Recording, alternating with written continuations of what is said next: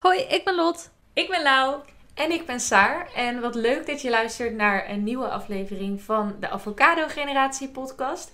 En vandaag gaan we het hebben over autorijden. En iedere twee weken staat er op woensdag om 6 uur 's ochtends een nieuwe podcast voor jullie klaar. Deze is te beluisteren op Spotify, Soundcloud, Apple Podcast en Juke. Hey en welkom! In de Avocado Generatie podcast kletsen Lot, Saar en Lau over alles wat millennials bezighoudt. Van carrière maken tot de wereld overreizen en van tinderliefdes tot babyfever. Pak er lekker een broodje avocado bij en veel luisterplezier. Ja, autorijden. Wat een beladen topic. Voor ons wel, hè? Nou ja, het is wel zo dat iedere keer als we wel hebben afgesproken voor de podcast bijvoorbeeld, dan is het wel zo dat, we, dat iemand een verhaal heeft over de rit er Ja. naartoe. Zeker. Klopt, ja. En ik, voor mij is er ook best veel veranderd wat betreft autorijden. Want de eerste podcast stapte ik toch een stuk nerveuzer de auto in dan nu. Dus dat is ook wel grappig. Om Ja. het misschien later over te hebben. Ja, jij moest toen nog naar Amsterdam. Dat is nog veel spannender dan eh, wat je nu moet doen elke Ja. keer. Ja.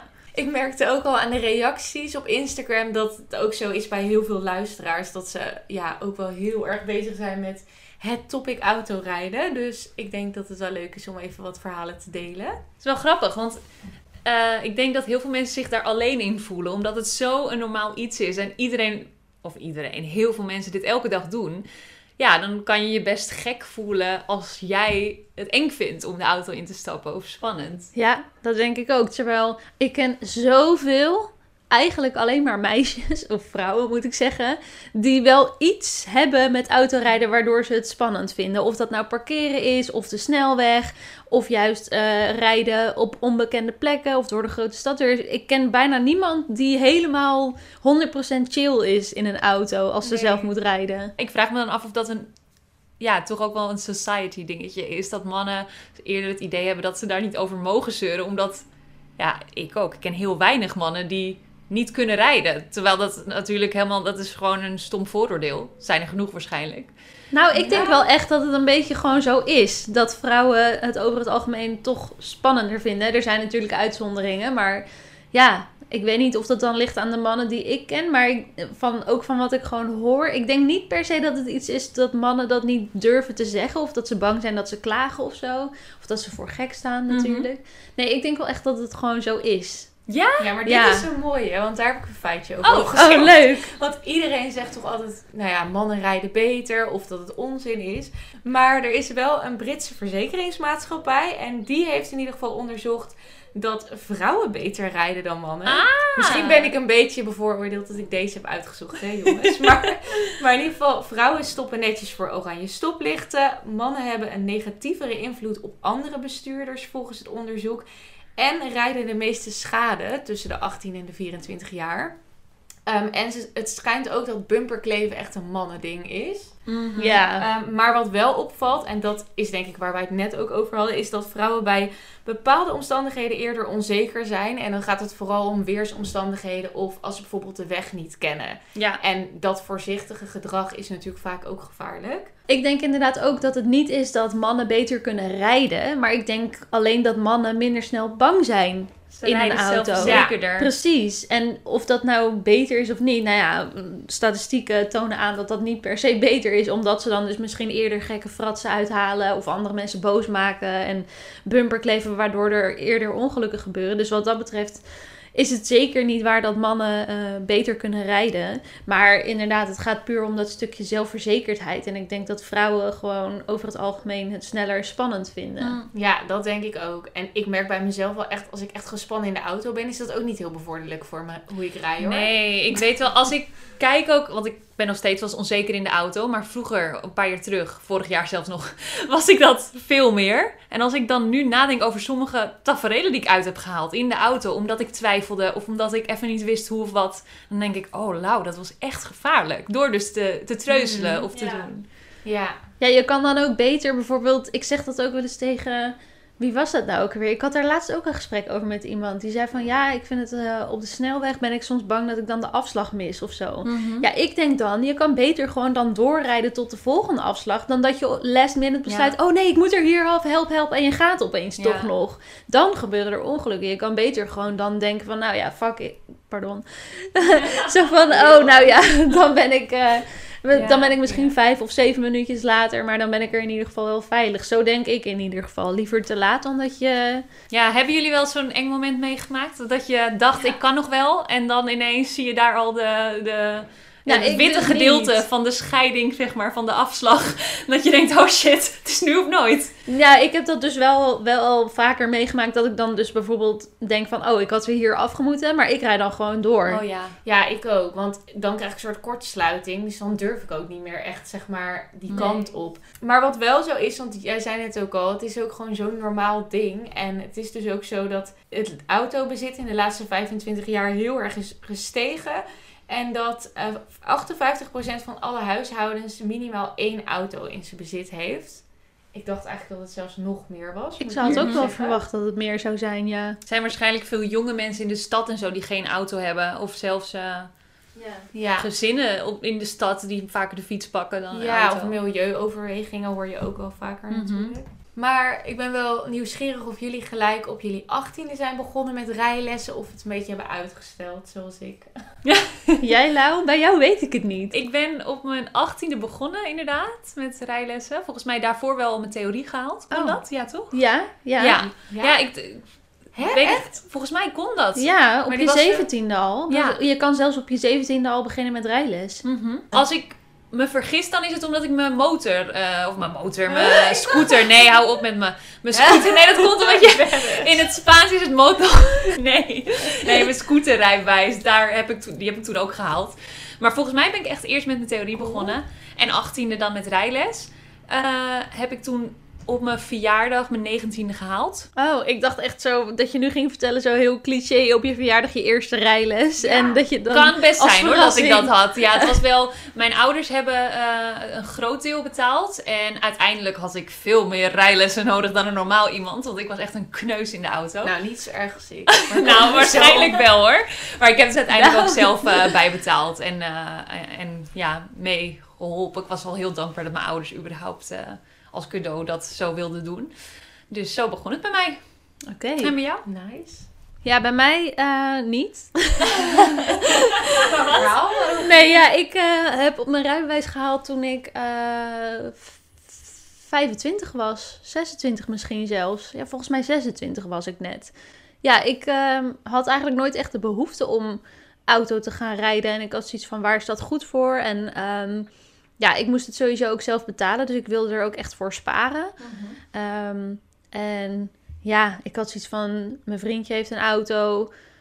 Mijn ouders niet trouwens. Maar ik, ja, ik had gewoon zoiets van: waarom zou ik daar nu heel erg veel geld aan uitgeven? Terwijl ik ook gewoon het OV heb. Ik zat toen nog in Utrecht op school. Nou ja, dat was met het OV heel goed te bereiken. Verder had ik toen nog niet echt vriendinnen die ver weg woonden. En anders kon ik ook met het OV. Dus ik zag het gewoon nooit echt als nodig of zo.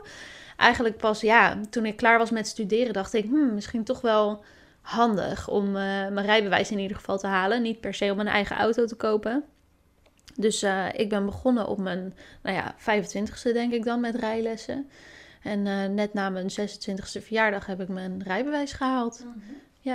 Ook interessant om te horen dat jouw ouders dus geen auto hebben, hadden. Nee, nee, Dus ja, ook mijn vader dat jij later dit zo wel. mee kreeg, ja, kreeg. Ja, ja, nee, eh, wij zijn echt opgegroeid zonder auto. Dus als wij ergens heen gingen, dan gingen we altijd met de trein of op de fiets.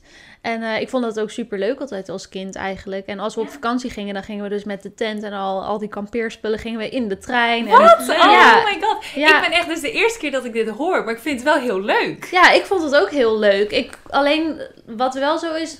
Ehm, ik vond het sowieso altijd heel leuk omdat het echt dan een heel speciaal uitje was. En ja, ik vond het sowieso het reizen alleen al heel erg leuk met de trein. Ehm, dan voelde je echt zo dat de vakantie ging beginnen. Maar ja, dat hadden andere kinderen natuurlijk als ze in de auto gingen Ja, stappen. of Ja, vliegtuig. Het is net wat Ja. je gewend Ja. bent. Precies, alleen ehm, ik kwam natuurlijk wel op een gegeven moment op een leeftijd dat ik het vooral ook heel stom vond dat we geen auto hadden. Dat ik me echt een beetje schaamde van, oh, moeten we nou met de trein, weet je wel. En mijn vader heeft wel eh, zijn rijbewijs gehaald op een gegeven moment. Mijn vader was dus ook pas heel laat met zijn rijbewijs. Mijn moeder heeft trouwens wel altijd al een rijbewijs gehad, maar die wilde niet rijden in Nederland. Uit milieuoverwegingen? Omdat jouw Ehm, moeder natuurlijk ook daar, weet ik, best wel Ook. bezig is. Ja, ook inderdaad. Eh, maar ook, ja, net als ik, dat ze het gewoon eigenlijk niet echt essentieel vond. En zoiets had van, ja, dan is het vooral heel erg duur. En Mhm. eh, inderdaad ook gewoon niet zo goed voor het milieu. En mijn vader, die heeft dus pas op zijn veertigste of zo zijn rijbewijs gehaald. Zo. Ja, dat weet ik nog heel goed. Dat vond ik echt super cool Ja, hoe dat heel toen cool ging. Dat hij dat toch nog ging doen. Ja, en toen had hij dus, eh, eh, heeft hij later dus zijn eerste auto gekocht. En toen gingen we ook echt als gezin bij papa in de auto. Zo van, yes, Nou, papa heeft een auto gekocht. Zo leuk. Dan is het wel extra speciaal. Ja, dus Ja. misschien dat dat inderdaad wel invloed heeft gehad op dat ik dus ook niet die noodzaak Mhm. voelde om op mijn achttiende mijn rijbewijs te halen. ik Maar ik vind Zeker. het wel interessant, want ik ben dus juist wel met de auto's opgegroeid. Wij hadden zelfs twee auto's thuis, omdat, of nou ja, omdat, niet per se omdat, maar mijn vader werkte bij een autoleasebedrijf. Dus hij had eigenlijk gewoon een auto bij zijn baan en mijn moeder kon dan heel goedkoop, zeg maar, nog een auto. Mhm. Dus wij zijn juist best wel, hebben als kind echt veel wel in de auto gedaan. En ook als het dan slecht weer was, dat je echt snel wel in de auto ergens Ja. heen kon gaan.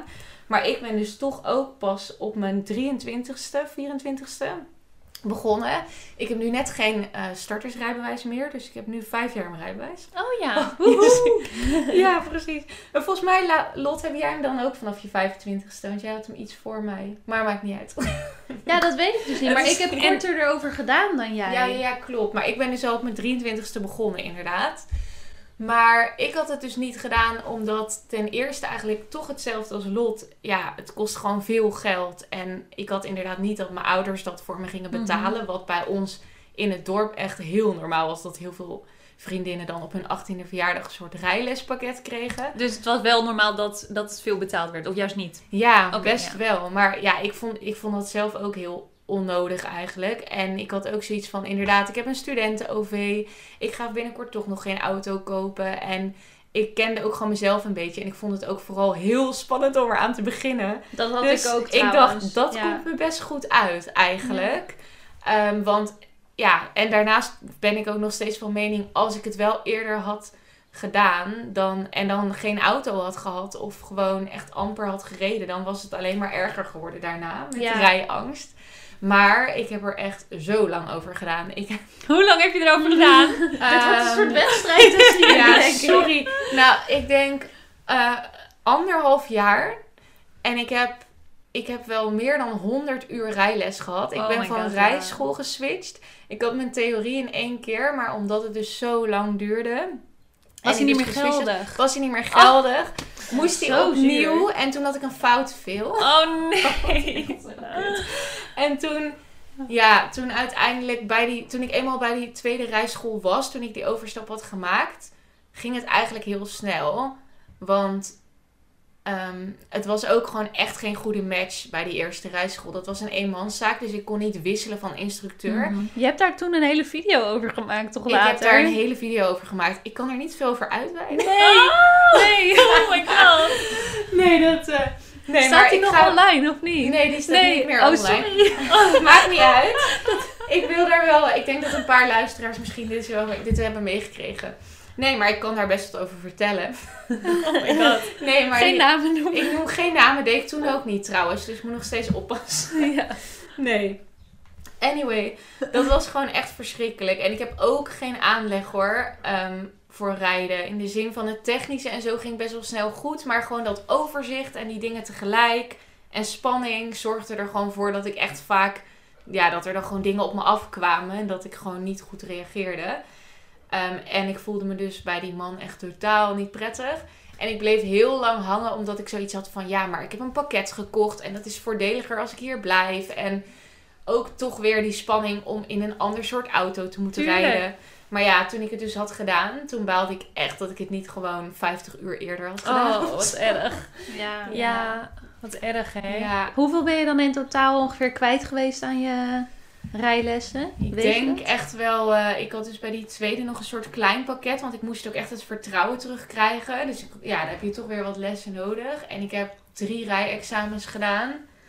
Ehm, ik denk dat ik 4000 euro of zo heb betaald. Oh my Ja. god. Ja. Hoeveel is een beetje het normaal? Denk, eh, Volgens mij is we pakket zo'n 2000. Ja, volgens zo. mij is 2000 ongeveer wel Met gemiddeld. een examen en een theorie. Ja. Dus misschien als je dan een examen extra doet, kom je iets boven de 2000 uit, denk ik. Ja. En bij jou, Lau? Ja, ik weet niet meer, zonder dat ik dat niet... Ik weet niet meer hoeveel lessen ik heb gehad, maar volgens mij wel twee pakketten ook. Maar ik kan me niet herinneren dat ik echt zoveel kwijt was. Dus waarschijnlijk Ik denk het niet. één volledig pakket, wellicht 2000 euro. En dan nog 500 euro erbij of zo. De Wat extra lessen. Ja, Een dat zou kleiner kunnen. Dat hebben best veel mensen volgens Ja. mij. Heb je dan ook Ja. twee keer examen moeten doen? Nee, één keer. Oké. Ja, maar in één keer gehaald eh, op de valreep. Want eh, het was blijkbaar een twijfelgeval. Die man was, die had zoiets van: oké, ja, wel niet. Nou, oké, ze, ze rijdt wel oké. Zo ging het bij mij ook. Ja. dat is zo fijn. Ja, Echt Ik was echt heel blij. Maar mijn theorie had ik niet in één keer. Die Ik moest ook ik niet. eh, één keer opnieuw doen. Ja. Oh ja. Maar ehm, ja, ik herken je wel in dat ik het wel heel spannend vond. En ik zag er dan zo tegenop. Want ik had vaak twee lessen achter elkaar. En één les was anderhalf uur. Dan zat ik gewoon drie uur in de auto. En dat is natuurlijk super intens. Wow, drie uur? Ja, Ik vond twee uur achter al te veel. Ik ben op een gegeven Ja. moment één uur gaan doen. Ja, ik had ook eh, inderdaad, kon ik dan kiezen of anderhalf uur of drie uur. En ik heb Mhm. wel een paar keer die van drie uur gedaan. Ehm, en dat vond ik eigenlijk altijd wel fijn, omdat ik merkte altijd dat als het anderhalf uur was, dat ik dan ja, net te weinig tijd had om in te komen. Want ik had het wel even nodig om in te komen. Ja, en dan ik was ik eindelijk ingekomen en dan was het alweer voorbij, zeg maar. Dus ik heb juist wel heel erg veel gehad aan die drie uur. Alleen dan was ik daarna wel echt de rest van de dag helemaal kapot en was ik niks meer ja, waard. ja, herkenbaar. Ja, Er- eh, hoe, vonden jou, hoe stonden jouw ouders erin? Want wat we al net zeiden, ik denk dat je ouders ook, eh, hoe snel je je rijbewijs wil halen, heeft er ook mee te maken hoe, hoe, je ouders kijken naar het autorijden. En mijn vader was echt zo van, oh, het is zo belangrijk om je rijbewijs te hebben. Hoe sneller, hoe beter. Dus vandaar ook dat ze Oh. en daaraan meebetaalde en ik, huppakee, direct eraan moest beginnen. Ehm, terwijl toen ik mijn rijbewijs had gehaald, ja, toen reed ik bijna nooit meer. Want Nee. toen, eh, een half jaar later ging ik naar Spanje. toen was het Ja. adios met de rijervaring. ja. Hoe stonden jouw ouders daarin? Nou, nee, die, die vonden dat eigenlijk heel logisch ook dat ik daar pas later mee wilde beginnen. En die hadden ook niet zoiets van, oh, je, ja, dat het echt een must was. Alleen die vonden het gewoon vooral heel erg balen dat het gewoon zo Ja, lang tuurlijk. duurde. Want ik was echt ook wel op een gegeven moment, al voordat ik die rijles had, dan had ik maagpijn. En dan voelde ik me helemaal Oh. misselijk van de Oh. stress. En dan voelde ik echt, ja, ik had echt een beetje zo'n, dat mijn lichaam niet zo lekker ging werken dan of zo. Dat je gewoon een beetje voelde beven Mhm. of zo in die auto. Echt heel arilex. Ja. En ook wel, die eh, eerste man die ging ook wel een beetje, nou ja, bepaalde, die zei gewoon dingen waar ik me niet comfortabel bij voelde. En ehm, vooral ook over andere weggebruikers, dat hij dan heel boos kon worden Oh, en ja. zo. En dan voelde ik me echt niet fijn. Had ik echt zoiets van, let je überhaupt nog op mij? En dat daarbij was gewoon echt vervelend. ja. Ja. snap ik, ja. En jullie ehm rijexamen, hoe ging dat? Eerste rijexamen dan? Ja, nou ja, ik heb dus maar één rijexamen gedaan. Eh, ik ben dus de eerste keer geslaagd en dat vond ik ook echt een hele grote opluchting. Ja, mijn rijexamen, ehm, ik weet nog goed dat ik, ik moest er zelf naartoe rijden, naar Utrecht, naar het CBR. En toen kwam er dus zo'n gigantische stortregenbui, maar echt Oh. kei en keihard. dat Oh, ik echt nee. dacht, oh nee, hier... En met hagel en alles. Ik dacht, ja, hier kan ik toch niet examen in doen? Dan, dan zak ik sowieso. Maar gelukkig stopte het toen we bij het CBR aankwamen in Utrecht. Dus daar had ik dan wel weer veel geluk mee. Ehm, en die man, die, mijn examinator, dat was echt zo'n starre... Ja, zo'n strenge, saaie vent. Weet je, dat ik echt dacht, oh, ik heb ook helemaal geen klik of zo met die vent. Dus die vindt mij waarschijnlijk maar zo'n huppelkut, dacht ik al. Mhm.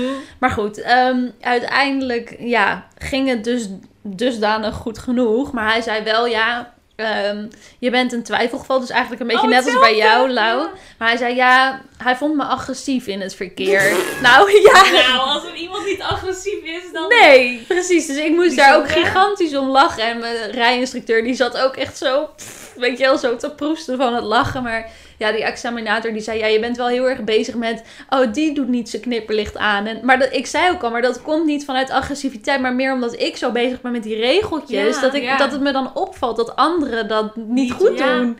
Maar ja, hij zei, ja, je bent wel echt heel erg sympathiek, dus eh, ja, ik geef je een zes. Eh, Dus je bent Dat valt geslaagd. dus mee. Nou, goed om te weten. Ja, hij vond me blijkbaar een leuk, schattig meisje. Ja. Dus eh, ja. Ja, maar dit hoor ik dus zo vaak. Zeg maar, vooral ook in oude verhalen die ik bijvoorbeeld dan heb gehoord van mijn oma of van ehm, bijvoorbeeld mijn tante. Mijn tante reed gewoon door rood. En die vond haar wel leuk. En die haalde nog de rijbewijs. Oh, en, mijn, en mijn oma vertelde, die heeft toen ze weduwe was geworden, toen ze 36 was of zo, ging ze rijlessen nemen. En die vertelde dus dat de examinator op een gegeven moment zijn hand op haar been legde. Maar dat ze Oh. toen dacht van... Ja, want je zit ook in een soort modus, zeg maar, alleen erop Surviving mode. En, Ja. en die, ja, ze weet niet eens echt hoe ze had gereden, maar ja, die, was, die had het ook gehaald. En dat je wel Oh denkt, my ja. god. Ja, dat waren ook andere tijden nog. Dan Ja. was- als dit Zo nu was het bij gebeurt, mij dan niet, eh, hoor. Nee. Nee, dat wilde ik ook niet zeggen. Ik denk echt dat het nu in alle koppen komt als dit gebeurt. Maar het Ja, speelt ik- sowieso mee inderdaad. Of ook gewoon die examinator een beetje zijn dag heeft. Ik bedoel, het zijn ook gewoon mensen. En Ja. vroeger hadden ze het ook toch altijd over dat je dan... Hadden ze bepaalde maatstaven hoeveel procent ongeveer Klopt. mocht slagen. Ja. Dus dan kon je beter aan het begin van de week of Dat zo. is volgens mij nog steeds hoor. Dat dat Ja. zo'n soort slagingspercentage is waar Dat ze is aan bizar. moeten voldoen. Of waar ze juist niet boven mogen komen of zo. Ik weet niet Ik vind precies dat ook hoe dat bizar. zit. Want het kan toch gewoon dat je één maand meer getalenteerde Ja. mensen hebt dan de andere Ja. maand. Ik weet Ja. nog dat ik... Ik was zo nerveus. Toen had ik dus alles er al op zitten. Moest ik alleen nog inparkeren bij het CBR. Oh ja. En in plaats van dat ik hem gewoon zo... Huppakee, ik had een vak voor me. Ik kon zo netjes er recht in. En that's it. Ging ik omdraaien en achteruit. Even uitslopen. tussen twee, maar niet om uit te sloven. Dat waren gewoon de zenuwen dat ik dacht, hoe moet ik ook weer parkeren? Oh ja, achteruit. Al die... En we stopten en die man zei echt, ehm, dit had niet gehoeven. Maar wel Goed zoiets. Ja, ja. Ja, als, dan is het ook wel heel lullig als je Ja. je niet laat slagen, weet je wel, voor de effort. Maar jij zei ook dat je een soort twijfelgevalletje was. Maar had jij ook dat je niet echt een grote fout of zo hebt gemaakt. Maar dat het gewoon al over Ja. oké was, maar niet geweldig. Zeg Ja, maar. gewoon Dat een had beetje ik. sukkelig. hè. Ja, precies. Ja. Ja, door Zaandam moest Ja, ik maar het hoeft ook niet perfect als we maar een beetje kunnen inschatten dat je zeg maar Mhm. het voldoende veilig kan. ja. Maar goed, ik heb er dus drie keer over gedaan. Drie, oh, wat erg. Wat ze- dan worden de zenuwen ook alleen maar Ja. erger. Ja, precies. Tenminste, het waren eigenlijk, eigenlijk twee rijexamens. Want het was. Ik had een je kon bij mijn pakket, en dat deed die rijschool, een voorlopig rijexamen doen. En dan kon je vast de bijzondere verrichtingen halen. Zodat je daar dan niet tijdens je echte examen op beoordeeld zou worden. Dan hoefde dat, viel dat stuk weg. En ehm, zodat je al een beetje het gevoel had hoe zo'n examen ging. En Voor dat leek- faalangst een beetje. Nee, Of- niet eens. Je kan gewoon een voorlopig examen, of dat kon toen in ieder geval. Oké. Dus die had ik gedaan. En toen had ik die bijzondere verrichtingen gehaald. Dus dat was super chill. Want toen dacht ik, nou, dat scheelt weer voor mijn rijexamen. Maar toen bij mijn rijexamen had ik dus mijn examinator meegenomen. Wat jij dus ook had Heb ik gedaan, ook toch? gedaan. Ja. Ja, terwijl dat was dus die man. En ja, ik ben ook nog iemand, als er dan twee mensen bij me in de auto zitten, dan wil, eh, heb ik toch een beetje, ja, daar krijg ik dan ook van alles van mee. Want dan zie Ja. ik in mijn achteruitkijkspiegel, zie ik de gezichtsuitdrukkingen Ja. van, mijn ex van mijn instructeur. En nou ja, dit was gewoon, die examinator zat de hele tijd dingen te vragen over, dus aan de knopjes van de airco en zo en de radio. Oh. En dan zei hij van, ja, hoe werkt dat eigenlijk bij deze auto? En dat was gewoon om me af te leiden. Maar dan wilde ik wel een soort van vriendelijk zijn. Dus dat was heel vervelend. En ehm, ik heb daar volgens mij niet eens een heel grote fout gemaakt. Maar ik merkte gewoon dat ik echt overkwam als een soort geschrokken hertje, zeg maar. Oh, Dus ja. ik had Ja. het niet gehaald, want hij had Ja. gewoon niet de overtuiging dat ik me comfortabel genoeg voelde. Wat ik echt snap. Ja. En toen de tweede keer ehm, had ik een faalangstexamen. Ehm, nou, dat was, ik heb dus wel drie keer gedaan. Die had ik ook niet gehaald. Toen had ik wel echt een fout gemaakt. Geen idee meer wat. Ja, helemaal En toen dacht ik echt, oh, en nu heb ik zelfs een faalangstexamen gedaan. Weet je wel, hoe dan? Ik kan het gewoon niet. Ik heb zo vaak gehuild, joh. Ja. Vreselijk. Ja, dat weet ik nog wel. Dus je ja. wil er gewoon zo vanaf Ja. zijn. Maar toen bij die andere school had ik een gewoon rijexamen. En toen zat ik er gewoon veel beter in. Door die lessen had ik veel meer zelfvertrouwen gekregen. En toen had ik het gelukkig gehaald. Zo zie je hoe Yes. belangrijk dat is. Ja. ja. Ja. Maar ook hoe belangrijk de instructeur inderdaad Hmm. eh, is. En of je een klik met hem hebt of met haar. En Ja. en, ja of je een, een goed gevoel bij die persoon hebt. Want als dat niet zo is, dan snap ik dat je ook sowieso al minder zin hebt in de rijlessen. En dat je dan veel minder relaxed in de auto zit. En Ja, dus ook met andere dingen bezig bent dan alleen maar het autorijden en het leren, zeg maar. Klopt.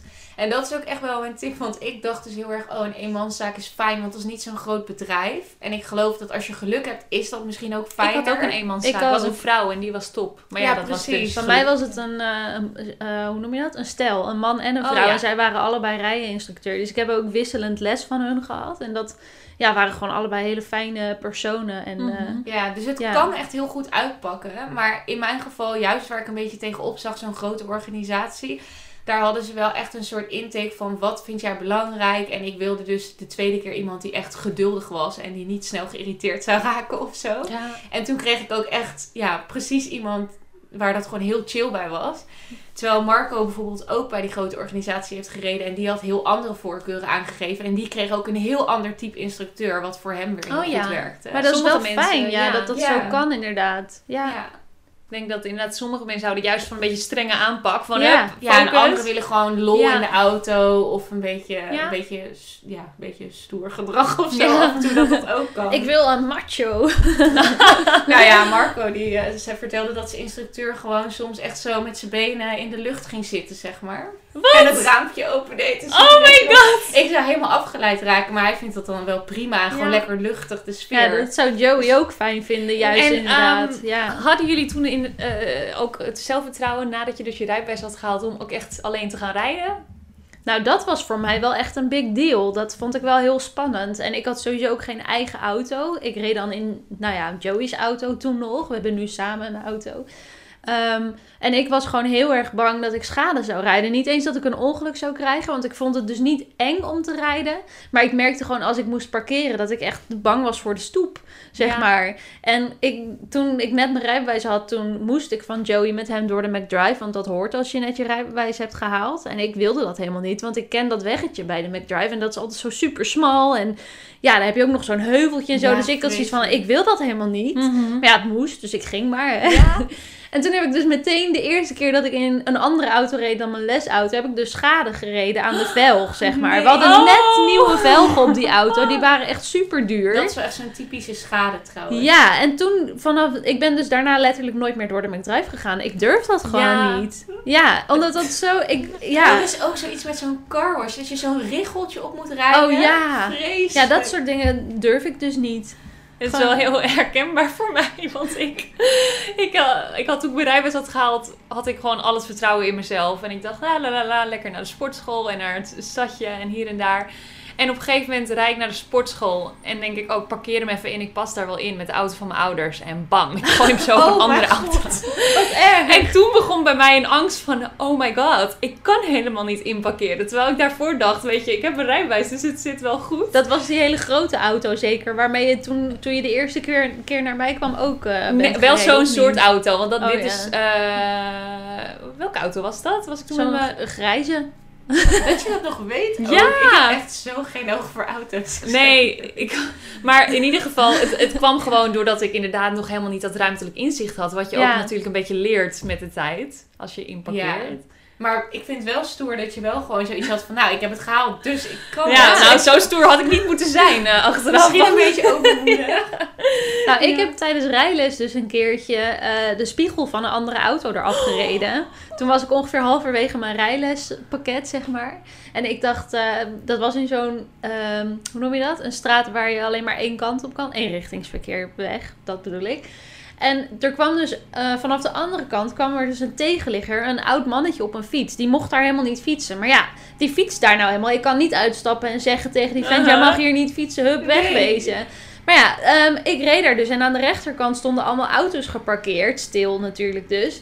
Ehm, en het was een super smal straatje. Maar die man kwam eraan. Dus ik dacht, ja, wat moet ik nou doen? Dus ik ging gewoon ietsje meer naar rechts. Zodat die Oh. man, die fietste ook echt zo heel krakkemikkig. En die ging Wat echt 10 erg. kilometer per uur of zo. Oh. Dus toen ben ik zoveel naar rechts gegaan dat ik de spiegel van zo'n geparkeerde auto raakte. Nou, liever de spiegel dan een ja, maar mijn rijinstructrice was toen dus boos op mij. Die had zoiets van, ja, maar die man mag hier niet fietsen. Dus jij had gewoon op je plek moeten blijven. Maar ja, Nou. ik zat echt van, ja, sorry, Ja. ik vind die Ja. man belangrijker. Straks valt die man. Ja. Hallo, dat wil ik niet op mijn geweten hebben. Maar, Maar ja, dat toen ik- moesten we dus uitstappen. Hebben we een helemaal een briefje erop Oh, geschreven. En dat werd toen helemaal verzekeringswerk. Hoefde ik gelukkig niet te betalen Oh, of zo. Als je dat een keertje hebt meegemaakt, dan ben je daar gewoon altijd bang voor. Ja. En jij hebt een keer een lekker band Lekker gereden, band zeg je? met mijn rijles. Ja. Oh maar dat was echt super raar. Want oké, ik raakte gewoon... Ik, ik nam de bocht niet goed. Dus ik kwam zeg maar op een soort van stoep. Maar het was gewoon een stoep. En het was echt niet... Er gebeurde niet iets bijzonders verder of zo. Maar daar deed hij dus ook helemaal geërgerd over. Terwijl later hoorde ik ook wel van die eh, volgende instructeur die ik had. Van ja, weet je, over het algemeen wordt gewoon in een rijlesauto niet heel soepel gereden, zeg maar. Dus het is ook gewoon soms een opstapeling dat op een gegeven moment die band wat zwakker is. Mhm. Ja. En dat je dan gewoon op een gegeven moment een lekke band kan hebben, zeg Tuurlijk, maar. Weet ja. je? Ik heb dus toen ik mijn rijbewijs had mezelf echt geforceerd, omdat ik dus wist wat een ding het voor me was, om echt geregeld te rijden. En ik vond het allerspannendste en het vervelendste vond ik altijd gewoon überhaupt alles goed instellen en dan echt weggaan. Dan was ik gewoon wel 10 minuten in Mhm. die auto voor ik ging rijden. En ook dat je, dat je zeg maar moest plannen waar je zou uitkomen. Als ik ergens naartoe moest waar ik nog nooit was geweest. Ja, Dan vond ik dat laatste stukje zo rot als je dan net de afslag miste. Of ja. het was onduidelijk waar je kon parkeren. Dan, ja, dan kon ik echt een beetje in paniek raken. Dat je rondjes blijft rijden. En wat ik dus heel vaak deed in het begin was juist wel met iemand rijden. Alleen ik merkte dus dat mijn angst is ook heel erg een beetje faalangst en op je vingers gekeken worden gerelateerd. Dat het extra kut gaat. Als er iemand bij mij in de auto zit, is nog steeds Ik heb dat ook kan hoor, ik Saar. slecht rijden. Ja. En vooral wat ik bijvoorbeeld ging doen als mijn vader of Marco er zat. Dan zei ik, ja, ik kan nu inhalen, toch? En dan dacht ik, Ja. maar ik kan het gewoon zelf bekijken. Maar dan ging ik opeens leunen op een Ja. soort van hun mening.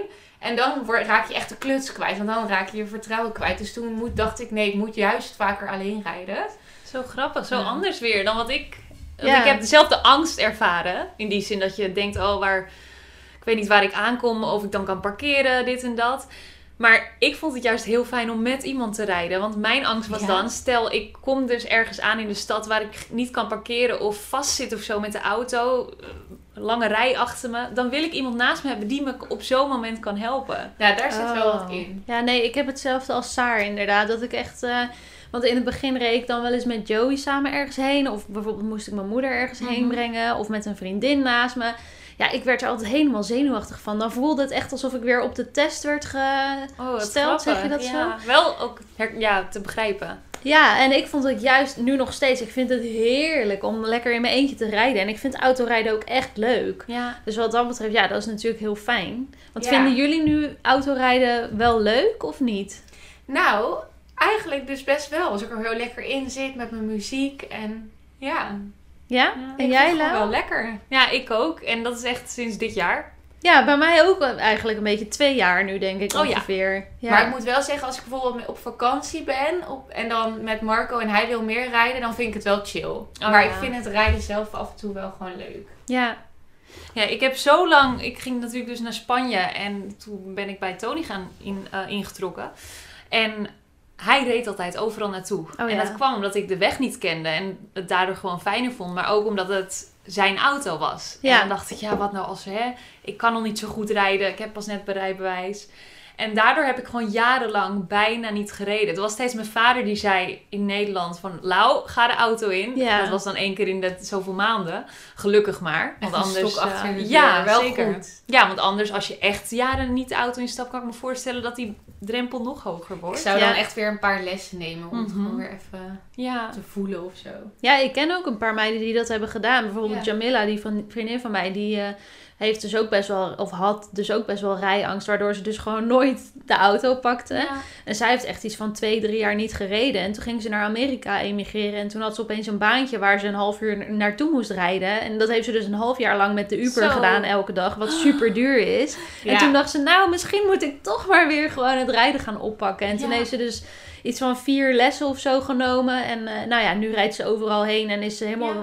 die angst kwijt. Dat dus is volgens mij echt een grote tip. Ik denk dat heel veel mensen een beetje bang zijn. Zo van, ja, dan kom ik bij een instructeur en die denkt echt... Hoe heb jij je rijbewijs? Nou, maar dat is heel Alleen, normaal, denk dat ik. is Ja. heel normaal. Er, echt zoveel mensen doen dat. Mhm. En ik denk ook altijd, je kan het beter wel doen. Dat je, daar, dat je weer eventjes zo'n soort verfrissingscursusje Precies, krijgt. En dat je ja. daarna wel gewoon zelfverzekerd achter het stuur zit. Dan dat jij super trillerig bij wijze van de auto instapt en zo onzeker bent. Dat je daardoor juist ongelukken maakt. Je kan dan beter gewoon weer even... Of nee, je hoeft niet per se misschien rijles. Maar dat je in ieder geval met iemand samen even op een afgelegen plek, weet ik veel wat. Gewoon even wat rondjes Ja. gaat rijden om weer even dat gevoel te krijgen van... Goh, hoe is het ook alweer in de auto? Ja. Maar dat sowieso rijangst veel voorkomt, dat kwam ook wel uit de stelling. Ja? Want ja, de stelling was, ik heb te maken gehad of ik heb met rijangst te maken. Snap je het? Ja, Ja. dacht het, ja. En 48% zei ja. Zo, dat is gewoon de helft. Ja. Ja. En dan kom ik weer terug op het puntje dat vrouwen daar denk ik vaker last van hebben dan mannen. Ja. Want ik zie dan aan onze statistieken op Instagram van de avocado generatie dat we voornamelijk vrouwen hebben als luisteraars. Dus ik denk ook dat er voornamelijk vrouwen hierop hebben gestemd. Dus dan ja, Ja. zegt dat voor mij wel weer dat ik denk dat dat toch ook echt grotendeels een vrouwending is. Hebben jullie nog wel eens last? eh, Ben ik benieuwd. Want wat ik dus... Ik rij nu lekker en ik rij goed. Maar wat ik dus wel af en toe nog heb... En dat heeft niet met het rijden te maken. Maar met eh, sociale angst of zo. Die ik dus wel eens heb. Of mm, is dat het goede woord? Ik heb toch wel eens verteld over mijn paniekaanvallen. Die ik soms heb. In tijden van stress. En dat heb ik dus wel eens tijdens het rijden. Oeh, spannend. Niet elke keer en ook niet echt regelmatig, maar het gebeurt nog wel eens. En dat is het enige wat, wat me maanden terug, er, dat heeft er toen bijna weer voor gezorgd dat ik dacht, oh, ik kan niet meer autorijden. Omdat ik zo bang was dat dat weer zou gebeuren in de auto. En dan is Ja. de auto wel een hele Met vervelende plek. erbij. Of, Was met Of iemand erbij en dat ik echt niet meer... Het stomme is, eh, dat heb ik toen wel uitgesproken, maar je ziet het niet aan me. Dus je, ik zit gewoon heel chill te rijden, binnen, maar van ja. binnen ga ik echt dood. En krijg ik geen lucht meer en mijn hart bonkt uit mijn borstkas. En dat vond ik wel heel naar. Toen dacht ik echt, oké, als dit me nu vaker gaat gebeuren, dan vind ik dat wel heel erg eng. Want je kan in een auto geen kant op. Als je een paniekaanval hebt, dan wil je het liefst gewoon schuilen of Ja. in je bed liggen of zo. En dat kan niet. Dan rij je misschien met 120 op de snelweg. nee, je moet gefocust blijven. Dus dat Ja. vond ik wel heel heftig. Maar ik heb me er toen soort van doorheen kunnen slepen. En daar hou ik me dan maar aan vast. Als het ooit weer gebeurt, dan denk ik... Oké, nee, weet je, toen is het ook goed gekomen. Ja, dat is eigenlijk dan op een bep- op een bepaalde manier ook wel goed of zo Ja. dat het gebeurd is. Maar ik kan me dus voorstellen... Want ik, volgens mij heb ik Alwin hier wel eens over gehoord. Van het YouTube-kanaal Vet Gezellig. Dat hij ook rijangst had. En bang was voor paniekaanvallen in de auto. En omdat ik nu dat zelf een keer heb meegemaakt... Denk ik, oh ja, dit is echt... Het ergste wat je kan gebeuren. Ik weet niet of luisteraars zich hierin herkennen. Of dat ze daar nog iets over kwijt willen in onze inbox. Ehm, ja, en dat herken ik dus wel. Dat, je, dat, dat gevoel van paniek. Ja. Ja, dat is Ik kan er verder niks, ja, geen tips over delen of zo. Maar ik wilde gewoon even delen dat ik dat... eh, Ja, ik heb dat één keer ook gehad, maar dat was niet zozeer omdat ik bang was voor het autorijden. Maar toen moest ik naar een event en ik wist dat ik te laat zou komen. Maar ik wilde dus met de auto naar het station toe. Precies, En een andere dus- trigger. Ja, en toen kwam ik dus, omdat ik al het reizen met de trein al en zo al spannend vind. En ik wist van, oh, ik moet nu eigenlijk echt haasten, anders haal ik mijn trein niet. En dan kom ik te laat, dan wordt die spanning eromheen het alleen maar groter. Mhm. Ja, en toen kreeg ik dus een paniekaanval in de auto, omdat ik wist dat ik mijn trein ging Ja. missen. Ehm, en toen, ik was gelukkig dan, ik reed gewoon in Woerden binnendoor, dus ik kon gelukkig wel eventjes aan de kant gaan staan. Ah, ja. Maar ik kon niet makkelijk meer uit die paniekaanval komen. En toen ben ik gewoon naar huis toe gegaan en heb ik me ook afgemeld voor dat event. ja. En dat was voor mij ook wel een punt inderdaad dat ik dacht, oké, ik moet dit nu niet direct linken aan het autorijden aan zich. Dit is gewoon iets wat binnenin mij zit en hier moet ik weer overheen komen. Dus ik moet gewoon wel vooral blijven rijden. Zowel met de auto als met de trein. En ja, ik denk inderdaad dat je wel jezelf een soort van moet blijven uitdagen en gewoon verder moet gaan Ja. en het door moet pakken. En inderdaad, desnoods met een paar lesjes erbij om weer even dat gevoel van zelfvertrouwen terug te Mhm. krijgen. Dat is denk ik de beste tip die je ervoor hebt. Maar Ja. tegen zo'n paniekaanval aan zich kan je, daar kan je je niet op voorbereiden in principe. Dus nee, daar, totaal niet. Nee, daar heb je geen je tips Maar nu je het voor, zegt, ik, wat mij helpt, want ik heb het, nu ik erover nadenk, kort geleden gehad. En dat kwam omdat ik te laat kwam voor de avondklok. Aha. Ik zat in Utrecht en ik moest dus naar Naaldwijk, naar Den Haag. En ik was echt veel te laat. Toen ben ik gaan rennen naar Was de garage. Toen je Was- terugkwam van de Ja, kapper. van de kapper. Ja, Dus ik rende naar de garage. Nou, ik was extreem buiten adem toen ik de auto instapte. dat is al niet Van de kou in de hitte ineens. Ja, dan kan je echt weinig En hebben. Ik zat toen, ja, ik zat echt al 10 minuten in de auto en dat ging gewoon prima. En ineens kreeg ik zo'n klap. Dat Ja. je op je longen ook, omdat je zo van koud naar warm gaat en van rennen naar stilstand. En toen kreeg ik dus een kleine paniekaanval dat ik niet meer mijn ademhaling onder controle kon krijgen. Ja. En wat mij toen heeft geholpen, want ik zat toen dus wel op de snelweg en ik wil dan dus niet stoppen. Dat, hier hebben we het ook al eens over gehad. Voor mij helpt het om, om er zo cool mogelijk over te doen. Ja, te Om gewoon te zeggen, nou je, stel je niet aan, het zit goed, het zit goed. Ja, Dus ik wilde ook niet stoppen. Maar toen heb ik Tony gebeld. En toen heb ik het uitgesproken. En op de een of andere manier helpt mij dat altijd enorm. Om het gewoon tegen iemand te zeggen van... joh, help me. ik heb een paniekaanval. Ja, en die, diegene kan niks doen. ja. Maar alleen dat al eruit gooien brengt mij vaak tot rust. Dus misschien is dat nog een tip. Dat is wel een goeie, ja. Maar ehm, ja, dat is natuurlijk super vervelend, al die paniekaanvallen en zo. Ehm, maar laten we het even luchtig houden. we hebben al een hele aflevering over mentale gezondheid. Ja, ik Niet om je nu af te kappen, maar hou jij je paniekaanvallen lekker voor je meid. Nee, grapje.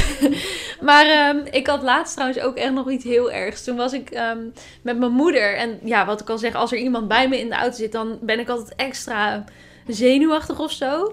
Maar toen reden we dus naar Arnhem, want daar woont mijn zus. Dat was nog voor de avondklok, even tussendoor. Ehm, en toen moesten we dus op de terugweg, was het al donker. Nou, ik heb daar op zich geen moeite mee. Maar dat stuk van Arnhem naar Utrecht, daar staan dus geen lantaarnpalen. Daar is het gewoon helemaal donker op de snelweg. En op een gegeven moment waren er dus wegwerkzaamheden op de snelweg. Maar ik heb geen bord gezien dat er wegwerkzaamheden kwamen. Maar het erge was dus, midden op de snelweg was opeens zo de wegwerkzaamheden. Oh en er was God. dus, je moest dus opeens kiezen of je links of rechts ging, midden op de snelweg. Want de middelste banen waren dicht. Maar als ik naar rechts ging, dan ging ik naar, weet ik veel, Vianen of zo. Daar moest ik helemaal niet zijn. En naar links, dan zou ik naar Den Bosch of zo gaan. Dus ik zat echt zo van, wat moet ik doen? En ik reed dus gewoon 100. Of nee, zelfs 130, want het was na zevenen. Met mijn moeder naast me. En ik moest dus sowieso heel hard remmen. Want ik moest. Oh, Die, die, het was echt een T-splitsing midden op de snelweg. Moet je je even voorstellen. Ik heb dat ook nog Gewoon nooit gezien. Ja, dus wat dus gebeurde, was dus dat ik letterlijk voor dat blok van die Oh stil kwam te staan. Terwijl er nog auto's langs mij sjeesten. links en rechts. En mijn moeder raakte dus in paniek. Ik dus het eigenlijk niet. Ik had zoiets van, oké, ik moet nu ru- rustig blijven. Want anders raakt mijn moeder echt helemaal in paniek. Zij heeft ook een eh, geschiedenis van paniekaanvallen namelijk. Maar ik stond daar dus, terwijl er auto's met 80 km per uur Oh langs me sjeesten voor dat blok, stil. En toen dacht ik echt, oké, maar hoe kom ik hier nu weg? Want Ja. je kan niet met 10 km per uur wegrijden als er auto's achter Nee, je met kan nooit 80 ertussen km per uur aan. Nee. Dus toen heb ik echt, nou ja, wel vijf minuten daar gestaan. En mijn moeder was echt een soort van, ja, maar Lotte, hoe moet het nou? Moet er Oh, iemand bellen? En ik, en ik echt zo wachten totdat het rustig was. dat je rustig bleef. Ja, ik dacht, iemand van ons moet rustig Nou, blijven. een luchtig verhaal. Ja. Dit, dit, eh, Maar dit, het was eh, vooral heel voor grappig. Spontane anxiety bij mij. Oh, nee. Dat was niet bedoeling. Achteraf is het wel heel grappig. Ja, uiteindelijk ben ik dan, heb ik dus toen gewoon maar gekozen van... Oké, nou ja, we gaan wel naar rechts. Ik weet het ook niet. En toen heb ik dus gewacht totdat het eventjes rustig was achter me. En toen ben ik dus heel snel ietsje naar achteren gegaan. En daarna snel naar rechts. En toen eh, moesten we dus even binnendoor en opnieuw weer de snelweg op. En zijn we gelukkig veilig Oh thuis gekomen. God. Maar Goed dat was voor mij wel zo'n moment dat ik dacht... Oh mijn god, het is maar goed dat Joey nu niet naast me Ja. zou, zou zitten. Want die zou me echt uitlachen. gewoon van, ja, oh mijn ik god. zou eh, het, het hele Spaanse alfabet aan scheldwoorden eh, naast me horen. Marco en ik zijn een keertje op zo'n ehm, zo'n weg die eigenlijk alleen voor bouwverkeer is terechtgekomen. Toen reed, toen reed hij, dus oké, dat ga ik toch even vertellen. En hij dacht dus gewoon dat dat, zeg maar, dat hij daarheen moest. Maar ik had al zoiets van, volgens mij is dat niet de afslag hoor. Volgens mij is dat later. En toen reden we dus ergens naar. En hij moest gewoon zo achteruit weer helemaal Oh, terug. en er was gewoon oh. geen weg. Er waren alleen maar van die kiepwagens en zo. En dat Oh mocht er helemaal God. niet zijn. Dat was ook heel gênant. Oh, En heel kut om er inderdaad weer op te komen dan. want Ja, dan altijd dus naar achteruit is zo eng. Ja, daar ben ik ook geen fan van, achteruit rijden. Vreselijk met sturen, vind ik. Ja, gewoon recht achteruit kan ik wel, maar inderdaad... Maar het was niet jouw schuld. Dus Nee, kan je hem niet lekker mijn mee schuld, pesten. Dus daarom kan ik er om lachen. Nee. Oh, Nou, erg. ik heb er een keer voor gezorgd dat we bijna stilstonden. in- volgens mij was het in Frankrijk eh, langs de weg. Wat dan? Omdat we, ja, we hadden geen eh, benzine meer. En Tony, Tony is altijd, Tony is een echte Spanjaard. Als het lampje gaat branden, dan zegt hij over een half uur pas, we moeten tanken. Oh, hou op. Hij wil echt, chill, alles hij- ja, komt goed. op de lege tank kan je volgens hem nog, maxim, nog minimaal 100 kilometer Maar dat eh, is ook wel halen. zo. En dat is ook vaak zo, maar het is ook maar net of je een beetje omhoog of omlaag staat met je auto. En hoe hard je rijdt. Ja, dus Ja, het is wel living on the edge. Het, het is een- maar dat is dus standaard bij Toon. Dus dat ben ik gewend. We hebben ook al een keer in het verleden eh, langs de weg gestaan door de- deze Hij tactiek. leert er niet van. Hij leert er niet van. Maar nu reed ik. ehm, dit was toen we naar Spanje gingen. En ik was echt al vijf uur aan het rijden of zo. En hij zegt, we moeten tanken. Dus ik, oké, volgende tankstation ga ik stoppen. En we komen op een gegeven moment langs dat tankstation. En het, ik had gewoon net zoals in Nederland verwacht... dat je vrij direct gewoon de, de- het tankstation op kan. Maar het was dus een, een weggetje dat je helemaal naar een dorpje moest. En Oh nee. Enfin, ik heb die hele afslag gemist. Dus, daar gingen we weer. En Tony, me cago en la la la la. Wat betekent dat? Ja, Shit. ik scheid op je... eh, ja, niet op mij, maar op, op alles en iedereen eh, heeft ook. Zelfs Tony stress. Maar Ja. dat is niet best. Nou, als Tony stress krijgt, dan weet je dat het een probleem is. Ja. Gelukkig was er over 10 kilometer weer eentje. Gebeurde me hetzelfde. Oh, nee. En boos was Tony. Ja, en dit was echt, toen schaamde ik me gewoon dood. Ik weet niet wat me bezielde, maar eh, ik, ik miste hem gewoon weer. Maar stond het niet goed aangegeven dan of zo? Of- Ik, nee, het was een combi. Het was en niet heel duidelijk, maar het was ook echt mijn schuld. Ik zat ni- of niet genoeg op te dan is letten. het extra of- erg. Als het Ja, echt je ik ook echt schuld Heel gefocust op of het of Maar toen gaf de, de auto dus aan 20 kilometer, 10 kilometer, die Oh, we nog nee. konden rijden. Nou, en dat is echt, als je dus ook maar even een hellingje op gaat, Ja. is het ineens 0 kilometer. Klopt. En op het nippertje hebben we toen gered die Oh, dag. gelukkig. Maar Tony pest me er nog steeds mee. Ja, dat snap Oh. ik. Nou, we hebben ook nog een volgersvraag. Oké. En eh, ik ben wel nieuwsgierig of eh, jullie een droomauto hebben. Nou, Ehm, ehm, nee, gaan jullie eerst. over nadenken. nou, mijn antwoord is heel simpel. Nee. Ik gewoon een veilige auto en een beetje comfortabel. En eh, ik Oh. vind sommige auto's er best leuk uitzien. Maar ik heb echt niet eh, dat ik denk, oh, ik wil echt dit merk auto of zo. Ik geef er vrij weinig om. Mhm. Ja, ik heb ook niet ehm, een specifiek type en dan een nummer en bla bla. Maar ik wil heel graag een keer een BMW. En dan wel eentje uit de M-serie, dat weet ik wel. Oké. Dat vind ik al heel specifiek. Hoe ziet Het dit eruit? Nou, ja. ja, mijn opa reed altijd in BMW's met Duitse opa. En omdat wij dus geen auto hadden, was dat dan altijd extra bijzonder. En dat zat gewoon zo comfortabel. En Mhm. ik heb toevallig vorig jaar of zo voor het eerst zelf in een BMW gereden. In een M, uit de M-serie zeg maar. En dat rijdt zo echt alsof je op wolkjes zit Oh, en rijdt. heerlijk. Gewoon zo chill. En ja, ik wilde altijd al een BMW, maar daardoor nu al helemaal. Ja, Alleen ze ik. zijn gewoon zo duur qua verbruik dat ik zoiets heb van ja, dat komt ooit nog wel. Maar Ja, nu- is toch een beetje zo'n patserauto? Nee, nee. Audi. Nou, wel Ja. een merk BMW. Want ik hoor altijd mensen zeggen als iemand zo heel hard voorbij race en het is een BMW. Oh, BMW hè? Hoor Ja, het is wel natuurlijk, je hebt Audi, Mercedes Ja. en BMW. Dat Ja. zijn wat dat betreft inderdaad wel de patserauto's. Maar daarvoor zou ik hem niet kopen. Maar gewoon omdat het zo comfortabel zit en rijdt. Gewoon Oh, echt. Even een Ah. stomme fun fact tussendoor. Jij hebt het nu helemaal over die series en zo. Nou, dat zou ik ook niet weten. Maar door Tony ben ik iets eh, slimmer geworden wat betreft automerken. Want hij vond het zo belachelijk dat ik niet eens wist in wat voor auto ik zelf reed. dat hij op een gegeven moment een spelletje had bedacht. Elke keer dat we in de auto zaten, moest ik van elke auto die langskwam dan heel hard roepen merk en model. Grappig. Dan weet je best Ja. wat inmiddels, denk ik. Nou, ik heb dus, als ik denk aan auto's die ik leuk vind, dat is sowieso de Mini Cooper die ik nu Ja, heb. die maar vind ik ook heel leuk. Ik heb er nu een uit 2002, dus ik kan me voorstellen dat een nieuwe gewoon echt top rijdt. En ik vind Nissan Jukes op de een of andere manier heel leuk. Ja, ik weet niet of jullie die kennen. Is dat zo'n vrij hoge auto? Een Ja. beetje Range Rover-achtig? Oh, ja, en een beetje bollig zo. Als Oh. bolly. Ja. Ja, dat vind ik schattig altijd. Ja, en eh dat, die vind ik leuk. Maar als ik echt denk aan een luxe auto, zou ik wel een Tesla willen. Ja, oh ja, dat- ik heb dus echt niks met? Tesla's. Nee, vind ik echt niks aan. Nee, Marco, ik wel. Marco is helemaal fan van die Audi A1 of zo. Ja, Oh, ja, die ja. zijn ook echt Ja. mooi. Ja. Ja. Eh, ik vind eigenlijk, ik mis nog steeds mijn Toyota Aygo. Ah. Maar dat zo'n heb ik fijn ook, lief autootje. Ja, en ik- nu heb ik een Ford Fiesta, is ook prima. Mhm. Maar ik vond die gewoon echt zo leuk. En met parkeren is het zo fijn en Ja. zo. Ja, ik ben dus ook altijd wel heel erg gehecht aan de auto die we hebben, zeg maar. Mijn, de eerste auto waar ik in reed was dan een Citroën C2. En dat is ook zo'n heel klein, net als. Toyota Aygo, gewoon zo'n schattig autootje. En daar voelde ik me zo echt als een vis in het water gewoon zo comfortabel in. Ehm, en nu hebben we dan een Volkswagen Golf. En ook die, Ook daar voel ik leuk? me... Ja, die vind ik ook heel Ja. leuk. Dat is ook echt mijn baby gewoon. Maar geven jullie een naam aan je auto? Als Nee, nee. Jij bent? Nee. Oh, nee, dat doe ik ook niet. Dat had ik wel een verrassende wending gevonden. Weet je wie dat sowieso wel zou doen? Nou. Bonnie. Oh ja, de kerstboom. Ja. Ja. Ja, Ja. Gerrit of zo. ja, of Marjan. Love this. Nou, ik vond het gezellig. Het was echt even een heel ander, luchtiger onderwerp Ja. dan eh wat Ook we leuk voor tussendoor. gedaan. Ja, echt gezellig. Leuk om jullie. eh En toch heb ik het weer voor elkaar gekregen om het over paniekaanvallen te hebben. Nou, Ja, dan hou, hou er nou eens mee op. Een depressieve boel zeg. Maakt niet uit, joh. Met ons 50% geloof ik. Dus dat scheelt. Ja. En over twee weken zijn we er weer met een nieuwe aflevering. En dan gaan we het hebben over onze puberteit. Oh, dat is ik ook kan leuk nu al niet wachten op Lotte de recalcitrante verhalen. Ja! Nou, ik ben vooral ook heel benieuwd naar jullie verhalen. Ja, ik ook zelf. Moet even graven. Maar komt Ik denk dat dat wel goed komt. Ja, Leuk.